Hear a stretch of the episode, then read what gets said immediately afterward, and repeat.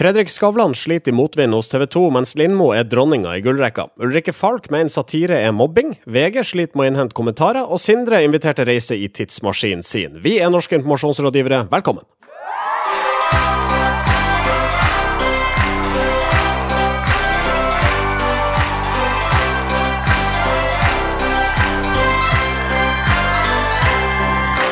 Denne sendinga presenteres av medieovervåknings- og analyseselskapet Retriever. Jeg heter Marius Staulen. Jeg har med meg Sindre Holme. Ja, det har du.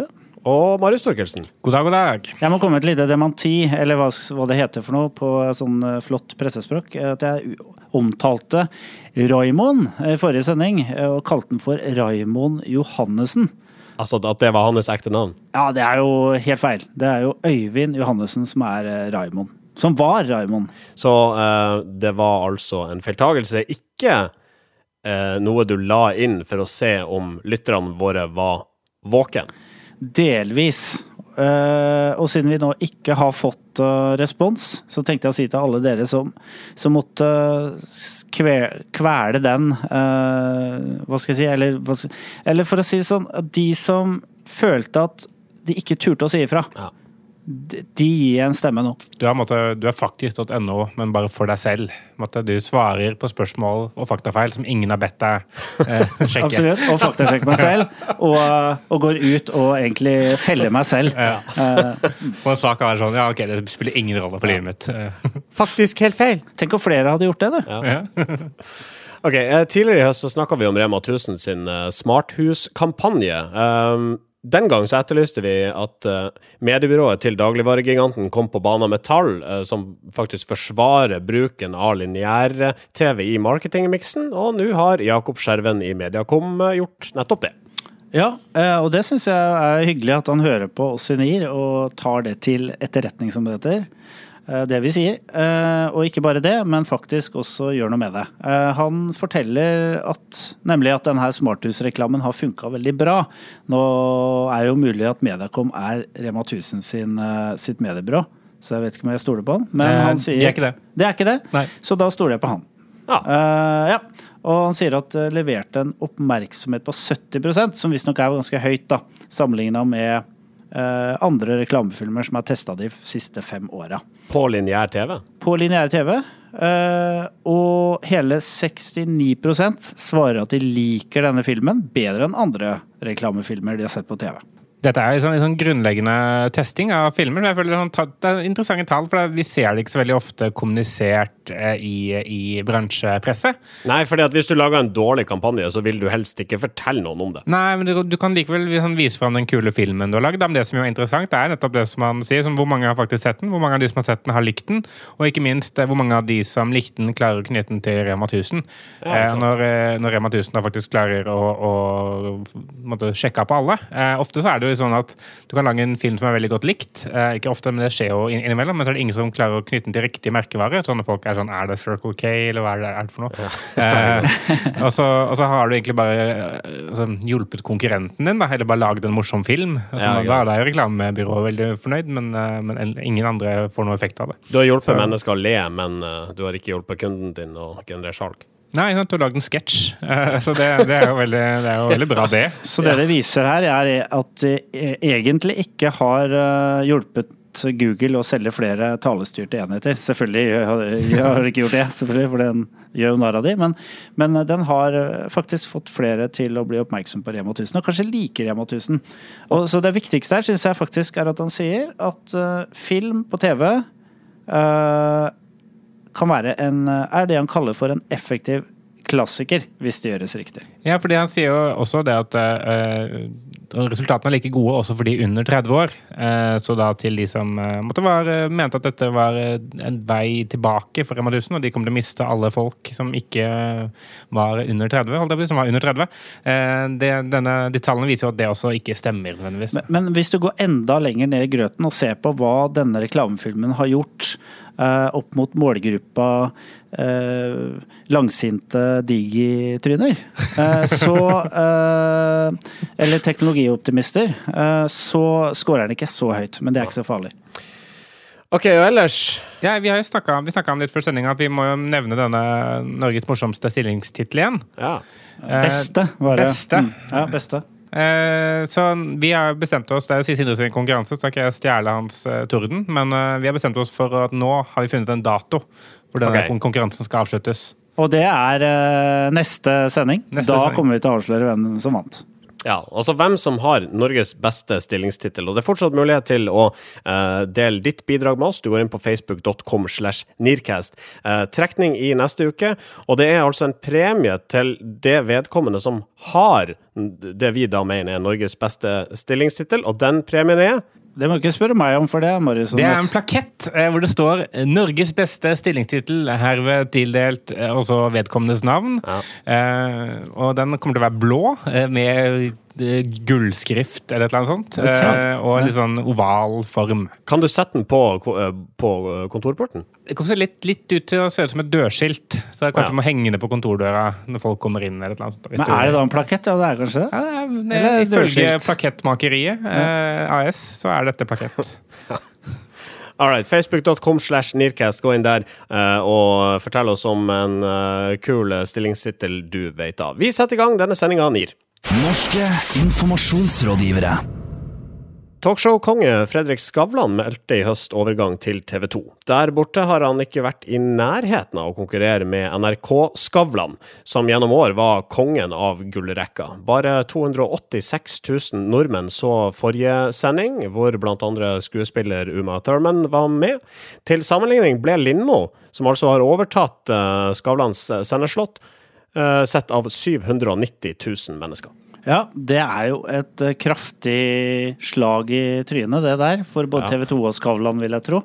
Eh, Det har jo vært en høyprofilert eh, spot og, og sending. De har vel studio i New York eh, fortsatt, eh, og de får mye kule gjester. Og jeg så eh, med litt tall fra litt tilbake i tid, når Skavlan var på sitt eh, beste, og i hvert fall hadde veldig mange seere, og de hadde jo opp rundt en million, har jo hatt det opp rundt en million seere. Så overgangen til TV 2 har vært ganske brutal for Skavlan, og det, det er jo litt rart. Ja, hvorfor er det rart? Nei, det, er, det er litt rart i og med at han har vært liksom, en så stabil bærebjelke over mange år. Han har jo vært eh, Rosenborg, liksom. Han har jo vunnet eh, år etter år og vært eh, lokomotivet i norsk eh, fredagsunderholdning. Og, eh, Og har blitt Notodden litt. Ja, nå er han ikke Ranheim eller et eller annet. De gjør det kanskje bra. Ganske Ja, jeg tror faktisk de gjør Eh, han er Sandefjord Fotball, da. Eh, og det er trist for meg. Men eh, For jeg heier på dem. Poenget mitt var jo det at eh, denne type saker eh, ut, den, det utløser som regel en av mine favorittting i kampanjens spalter, som er eh, kanaldirektører med panikk som prøver å late som at de ikke har panikk. Eh, og her er det et ganske frekt sitat fra Trygve Rønningen, som er kanaldirektør i eh, TV 2. Han sier det. Eh, vi ønsker oss alltid flere seere. Det vil ikke være feil å si det, men nå var om tallene omtrent som forrige gang. Og vi vet at det å flytte kanal er en større prosess enn å flytte et program fra f.eks. Oslo til New York. Det vet jeg ikke helt om stemmer. Det tar tid, Nei. og vi er nødt til å være innstilt på å bruke den tiden. Ja, fordi at I Eh, den og- saken vi refererer til i, eh, i, i, altså i dette stikket her, så, så snakker man altså om de, de, de nye seertallene, altså fra de siste to episodene. Uh, og uh, imellom de to så opplevde man ikke en så stor nedgang. Da mistet han bare 2000 seere. Ja, så I forhold til hvor mange har mista første episode, så er dette en slags framgang. Eller det er en uh, sakking av tilbakegangen. da. Ja. Og det, det velger da disse, denne kanaldirektøren å, å spinne positivt. Uh, for disse, Det er jo al- aldri en kanaldirektør som kommer til å gå ut og si uh, dette er en flopp, vi har panikk, vi må finne et nytt program med noen millennials. Hva skal vi gjøre med Skavlan? ja, da, da må du ha null serietyp, da. Men dette er, dette er det han sier, da, føler jeg. Vi har panikk. For det er veldig sjelden at du ser noen som i det hele tatt hintet til at noe er galt, når, når det kommer til seertall. Det som jeg syns er litt sånn interessant å spørre seg, er liksom Hva har skjedd med de 600 000 nordmennene som ikke ble med over til TV 2? Har de ikke fjernkontroll, eller har de sølt så mye eh, guacamole på fjernkontrollen at den ikke funker lenger? Sånn at man ikke klarer å trykke på eh, 2 eh, på eh, fjernkontrollen, hvor TV 2 eh, er. Jeg, jeg tror dette er 600 000 mennesker som fortsatt sier jeg tror du går på toeren. Eh, fordi de ser bare på NRK. Eh, det er alt de gjør. De bytter ikke kanal. De ser ikke på Skavlan. Det har NRK og alle trodd, at de elsker Skavlan. Nei, nei, de elsker NRK. Men det er jo litt interessant, for hvis du trykker på nummer to, der er vel den der kun, fransk kunstfilm på NRK2 Jo, jo, på samme tidspunkt. Så de, de, den kanalen har antageligvis fått mange flere seere. De har jo ikke vært oppe på toeren uh, på masser av år. Ja, Nei, De var nei. der i 92 på åpningssendinga for å se litt hva denne greia var. Gikk tilbake til eneren, har vært der siden. Det er akkurat som min bestemor. Altså, jeg tror, hun skifta heller ikke kanal i noe særlig stor grad. Altså, for hun så er det å sette strøm på TV-en eller ta strømmen til TV-en. Ja. Og, og, og jeg syns jo det er jo eh, en stor taktisk bommert av TV 2 å legge Skavlan opp eh, mot eh, Lindmo. Nettopp for å da funke som en sånn lead-in til nye Senkveld da med Stian Blipp og Helene Olafsen. Eh, for de har jo tenkt at ok, folk kommer til å velge Skavlan over Lindmo. Ingen liker Lindmo. Lindmo er verdens hyggeligste dame. Selvfølgelig velger de Lindmo. Eh, og så har de da valgt å sette Senkveld opp mot eh, tysk eller australsk detektivtime, eh, som da er det som kommer etter eh, Lindmo. Eh, Istedenfor å sette Skavlan opp mot tysk detektivtime, kunne få med folk over, eh, for det er jo et sykt kjedelig program, og så bruke det som lead inn til Senkveld igjen. da. Fy søren, nå, nå har du Altså, du har løsningen her, du. Ja, men jeg, jeg, jeg tror det er Ja, det som er ja. altså De har bare bomma fullstendig på hvor på, på, populær På Skavlan er. motprogrammering, egentlig. Ja, på motprogrammering. Men da, må, Eh, da, da blir jo alt forskjøvet. Da, da blir jo Altså, da må de sette både Blippis og Skavlis eh, et hakk bak i, i rekka si, sånn at et av de programmene må gå senere. Ja, ja. Da, da må Senkveld gå litt senere, som passer bra med den nye yngre profilen deres. Ja. Eh, og, så, og så tror jeg det at eh, Poenget er det at eh, Senkveld har jo hatt ganske bra seertall. De har ikke tapt seg noe særlig, selv med ny programlederduo. Og det tror jeg nettopp er kun pga. motprogrammeringen. At liksom de få som er villige til å bytte over, de bytter når eh, australsk detektivtime begynner eh, på NRK. Eh, for det, er det har de alltid gjort. Og om det er Ja. Stian Blipp eller Thomas Numme, det spiller ingen rolle, fordi det er senkveld, og det ser man på. Så det er bare dårlig. Dårlig jobba og dårlig research av TV 2, er min påstand. Men hva, hva skal de da putte foran Skavlan igjen, da? Altså Hvis hun først skal vri om på Skal de Det kan bare være Trygve Rønningen som gråter en time. De trenger ikke ha noe der, for folk ser på Lindmo uansett. Norske informasjonsrådgivere. Vi eh, må jaggu meg snakke om eh, Ulrikke Falken, for denne uka har hun sammen med kroppsaktivist Karina Elisabeth Karlsen et eh, debattinnlegg på trykk i VG. De to hevder at eh, popstjerne og avdanka fotballspiller Mats Hansen mobba influensere. Og hvordan gjør han det? Jo, han eh, påpeker at de retusjerer Instagram-bildene sine for å se bedre ut. Ja, uh, Ulrikke Falk uh, har jo, har jo måttet, siden uh, Skam ga seg, valgt å bruke sin nyvunne plattform til å snakke om eh, kroppspress og snakke om eh, måtte, det å være jente og, og, og måtte fremme en fem, feministisk eh, sak. Eh, og måtte ha lyktes med det, sånn, hvis du kan tenke sånn lyktes i form av kanskje å få oppmerksomhet, bli invitert, bli en samfunnsdebattant, eh, bli hørt. Eh, men nå har jo da Mats Hansen eh, kasta seg inn i, måtte, i det samme feltet gjennom å begynne å vise fram Instagram-influensere som retusjerer bildene sine. Og det har jo han fått, om ikke like stor kall det, eh, oppmerksomhet på, så i hvert fall veldig mye opp opp- oppmerksomhet på, på kort tid.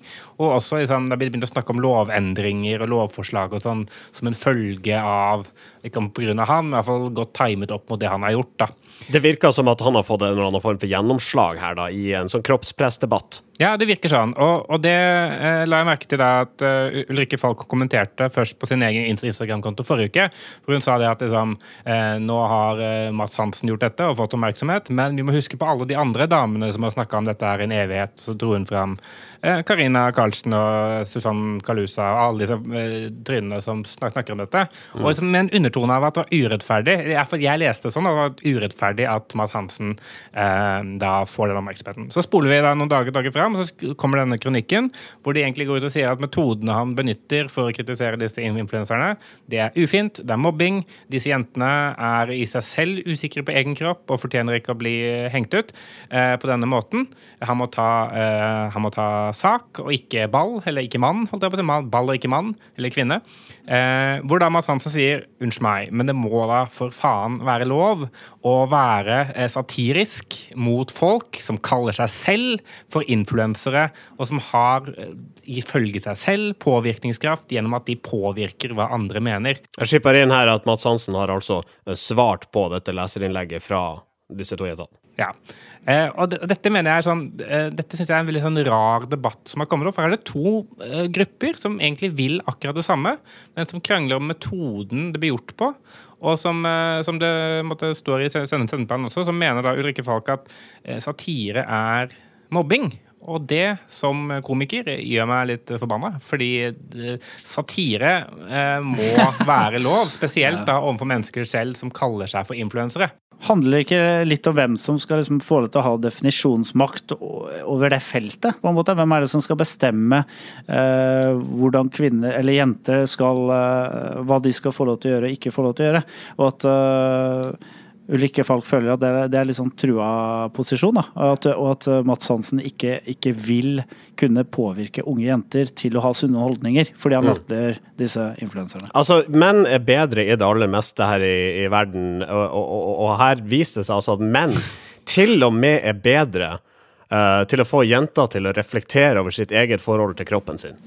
Ja, nå mista vi eh, de få eh, kvinnelige lytterne vi, vi har, eh, når du sa det.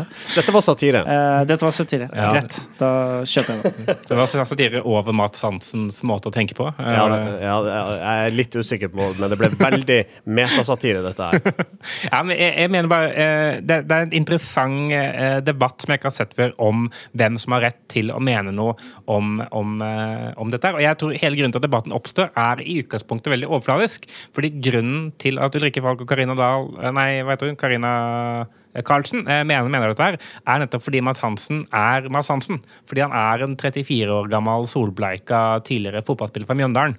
Han ser jo ikke ut som en fyr som burde eh, mene noen ting om kvinner og kvinners rettigheter. Han ser ut som en person som i hvert fall har vært med i tre-fire metoo-saker. Eh, når han tilfeldigvis da ikke har det, og er liksom en eh, fyr som har mye substans og har eh, holdninger som jeg, i hvert fall når jeg ser han snakke og hører han snakke, så virker som han er ganske på riktig plass, og til og med hjertet hans er på riktig plass.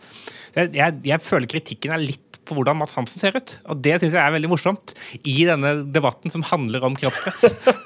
Er det face-shaming vi er vitne til her? Ja, det er et eller annet, og det er jo fortjent, for han ser jo ikke ut. Men, jeg- men, men jeg synes jo ikke jeg synes Han må få lov å mene likevel, og det er jo hele poenget hans også.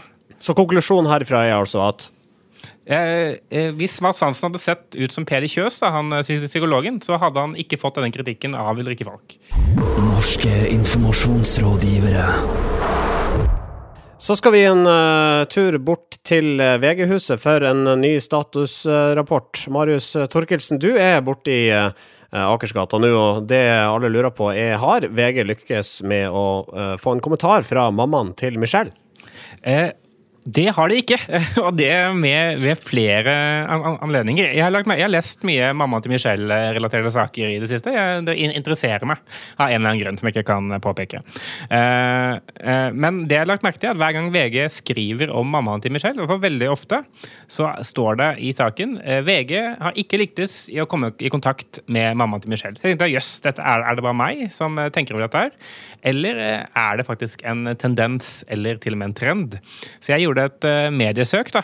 Selvfølgelig gjorde du det. Hvor, hvordan gikk du fram for å gjøre et mediesøk? Nei, jeg, først så søkte jeg eh, Jeg gikk inn i, på Retriever, da, mediesøkeverktøyet til, til Retriever, holdt jeg på å si, eh, og søkte først på VG. Har ikke lyktes i å få kommentar fra Anna Rasmussen. Eh, da fant jeg en del, en del hits, og så måtte jeg også utvide søket til Anna Rasmussen, for de formulerer det på, på forskjellige måter Ja. fra gang, gang til gang. Så jeg fant ut at i år da, så har VG-nett skrevet 16 saker om Anna Rasmussen. I syv av de sakene så har de ikke lyktes i å få kommentar fra Anna Rasmussen. Og dette er da om masse forskjellige temaer. Dette er Anna Rasmussen gifter seg, Anna Rasmussen utsetter bryllupet, Anna Rasmussen endrer navn på blogg, Anna Rasmussen eh, får kritikk av Mats Hansen osv. Men de lykkes ikke med å få kommentar, og hun henviser bare til bloggen sin. Det er lurt, da. Det er veldig lurt, men jeg skjønner ikke hvorfor VG fortsetter å skrive disse sakene.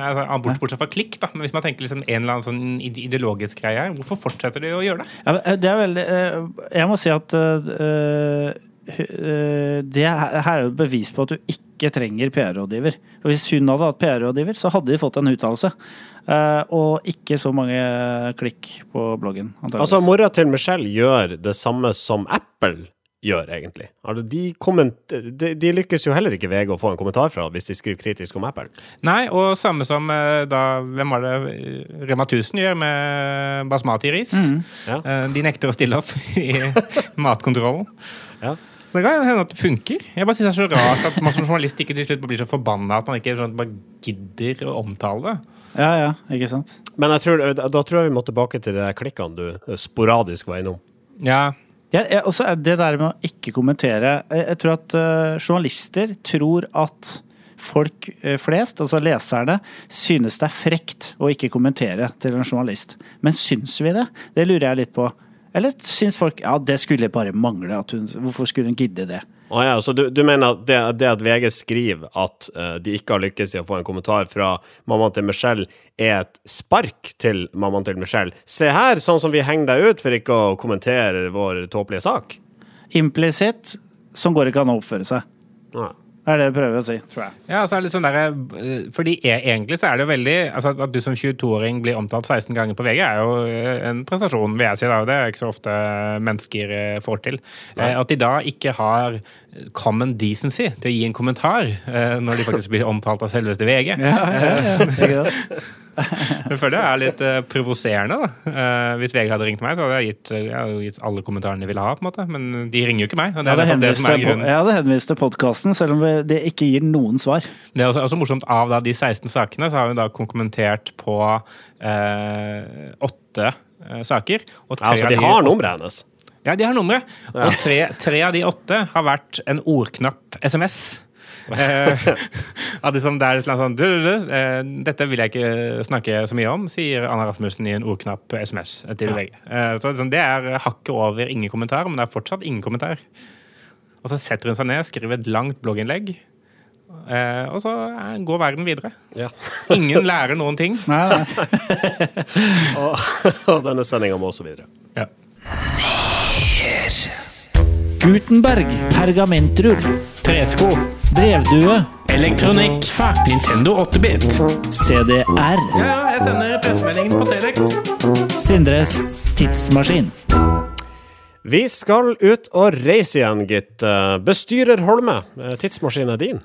Ja, takk for det. Eh, sjåfør vil jeg at du kaller meg heretter. Eh, men, eh, men det kan jo hende vi får en selvkjørende tidsmaskin etter hvert. Så da vet ikke hva det skal Da er bestyrer mer dekkende, ja. Kanskje OL i Tokyo 2022. Da, da, da skjer det ting. De har bare én, maks to tidsmaskiner. Ja, Ja, de må det lade nok veldig det. lenge. Eh, ja, ikke sant. Eh, vi, vi skal ut av reise, ja. Vi skal til eh, 1960. Året da frihandelsorganisasjonen EFTA ble oppretta. Utrolig kjedelig. Eh, Frankrike tester sin første atombombe, litt spennende. Og USA beslutter å sende soldater til Vietnam. Eh, Den krigen starta i 64, men allerede i 1960. Eh, Så traff de, de traff beslutninga i 60, men det tok fire år. det tok fire år. Det tok, et, eh, tok en presidentperiode. Ja. før eh, den litt uheldige presidenten Det var vel Nixon, da. Eller noe andre. Det har jeg ikke på det rene.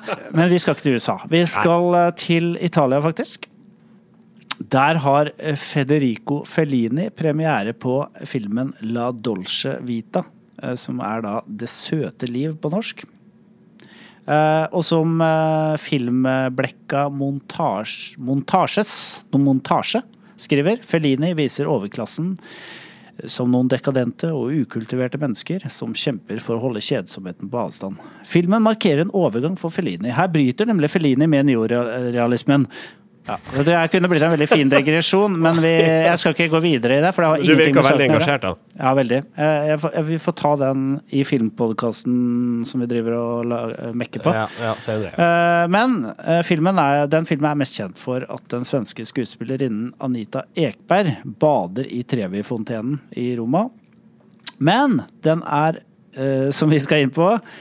Også kjent for et begrep som er mye brukt i populærkulturen eh, etter 1960. da. Ja. For en av karakterene i La Dolce Vita er en fotograf som lever av å ta bilde av disse dekadente og kjente folkene, og hans navn er Paparazzo. Ah. Så, og paparazzo er jo eh, italiensk entall eh, for paparazzi. Altså, paparazzi er flertall for paparazzo. Ja. Men heter den Paparazzo? Eller er, den, er Paparazzo etternavnet? Paparazzo er uh, navnet, ja. Det er Paparazzo? Må det sånn? Er det noe du Det, det fonetiske Jeg tar det- er jeg tar ikke det- peiling på? Jeg tar det på scenen. Ja, ja, ja. Det er en vits er der et sted, si. Ja, det, er- det er det, si. Som, ikke sant? Og det har da blitt eh, betegnelsen på fotografer som snikfotograferer kjente personer i private situasjoner for å selge bildene etterpå. Ja, ikke sant. Uh, og eh, ja, da, da vet vi det, dere. Jeg synes det er fascinerende å sitte og høre på disse tidsmaskinene, for jeg vet aldri hvor, hvor vi skal. Uh, vi er innom så mye forskjellig, og så ender vi opp der. Uh, fullstendig uventa. En reise. Jeg er glad jeg ble tatt med på den. Norske informasjonsrådgivere. Og helt på tuppen så drar vi tilbake til eh, VG igjen og vår utegående reporter eh, Marius Torkelsen. Du har funnet ei overskrift eh, i avisa du mener er så teit at den faktisk fortjener omtale her i NIR. Det er faktisk min eh, reporterkollega Sindre Holme som har eh, funnet overskriften. Over til deg, Sindre Holme. Du vet at de viktigste sakene, der er det opptil fire-fem personer som har byline på. Eh, og også i dette tilfellet her. Vi fant nemlig en overskrift som vi syns var så utrolig dum. Og overskriften er da i VG sin, på sine, VG sine reisesider. Cruisetabbene du bør styre unna. Hva er det som er dumt med den overskrifta? Ja, men det sier seg sjøl. Altså, du trenger ikke å fortelle at, en, at du bør styre unna en tabbe. En tabbe er noe du skal styre unna. Cruisetabbene du bør oppsøke. Cruisetabbene du ikke visste var kjempebra å Ja. oppleve. Det er, sånn, det er noe smør på flesk her, eh, i mangel av et fremmedord for det begrepet. Ja, Det er mer for rytmen i setning. Det er, det er samme som der, eh, ti steder du bør spise på før du dør. Sånn, Ja, selvfølgelig skal jeg gjøre det før jeg dør. Og det rare er at saken handler jo ikke om tabbene. Det handler om alt du bør gjøre, faktisk. Ja, fordi Og så er sikkert desken da, som sa nei, vet du hva, det kommer ikke til å selge. Vi må snakke om tabbene. For nummer sju da, på disse ti tabber du bør styre unna, er gjør research. Betyr det at man bør styre under tabben Ja, det og gjøre research? Nei da. Det betyr at du bør gjøre litt research. All right, så, ok, så, vent litt, nå- nå ser jeg det. Det er altså ei tipunktsliste med tips for hvordan bli cruise-smart, og så har de brukket den. Eller altså valgt overskrifta 'Cruisetabbene du bør styre unna'. Ja. Det er ingen tabber lista opp her. Du må tenke det motsatte av de tipsene Dette er som avant- utgjør saken. veldig avantgarde eh, journalistikk. Altså, eh, tittelen sier det motsatte av det saken handler om. Ja. Tips 1. Legg inn en ekstra overnatting. Og hva er tabben da? Ikke legg inn en ekstra overnatting! All inclusive? Ikke all inclusive! Pakke en liten bag. Hva er tabben? At du pakket en stor bag! Eller ikke noen bag. Glemte bag. Cruiset er ødelagt. Ja, Ikke skaff deg bord, ikke skaff deg bord med utsikt. Tabbe. Ja. Men jeg føler det der eh, frisør før middag, det er jo en slags sånn tabbe. Dropp frisørtime før middag. Men tabben er ikke å droppe frisørtime før middag. Nei, det er det motsatte igjen. Nei, men her er det jo, for Dette er en tabbe du vil unngå. Å bestille frisørtime før middag. Ok, altså, ja, så det, du, Faen, jeg blir, dette er, er, det, er det dette Inception handler om? Jeg, føler dette, Ja, jeg tror det, jeg tror det. Jeg sykt forvirra. Ja, altså vi endra altså, vi endra vårt standpunkt uh, vi, i, det, i, altså, i dette avsluttende stikket. Altså det er ikke overskrifter Det er ikke bare overskrifter som er teit her, det er hele saken. Ja, det er det. Altså, dette, dette er litt sånn relativitetsteorien. Det er sånn at du kan i noen øyeblikk føle at ja, der tror jeg jeg har det. Nei. Sitt- Sitter hjemme og sånn ah, Nei, faen. Men vi kan jo ikke sitte her og kritisere VG eh, resten av dagen heller. Eh, de er jo dyktige på, de er jo dyktige på mye. Ja, da. Det må vi si. Må vi skynde oss å si. ja det må skynde oss å si. Jeg er veldig dyktig eh, på mye.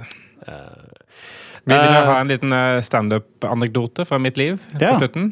Ja, eh, Sindre var for så vidt involvert. Fordi forrige torsdag så, så hadde jeg var jeg på standup på en temakveld som het Politisk aften. Eh, temakveld. Og det tenkte arrangørene at ja, dette er sikkert noe mange mennesker har lyst til å komme på. Det var ikke mange mennesker som har lyst til å komme på det. Det var uh, ni stykker som kom, og en av de var Sindre Holme. Ja. uh, Eksklusivt var det. det var veldig eksklusivt. Det var litt gøy, da. Ja, det var litt gøy. Så Sindre satt seg på Du satt forrest av alle i publikum. Vet du hva, Jeg hadde tenkt å sette meg helt ute på siden her, uh, eller bakerst, men jeg tenkte det blir for dumt. Det var sånne lange benker. så Sindre satt, satt midt på en benk på tredje rad. Ingen satt på de to andre radene foran. Sindre satt alene. Og jeg følte meg så eh, satt pris på. Eh, det var veldig hyggelig at noen Av kom. ni personer, ja. Ja, ni personer. Men det var forferdelig show. Det var, eh. Før pause var det, helt, var ganske krise. Eh, Etter pausen var det litt gøyere. Eh, Da skulle jeg ha improvisert debatt og sånn. Men eh, dette, dette standup-livet som jeg lever på å si, det er, det er mye forskjellig. Blant annet Politisk aften foran ni personer. ja. Var det noen som ikke hadde vitser om Trump? Eh, ja, alle, faktisk. Det var faktisk ingen. Wow. Ja. Jeg avslutta med å, se, med å si eh, Trump. Eh, Litt av en type. Takk for meg.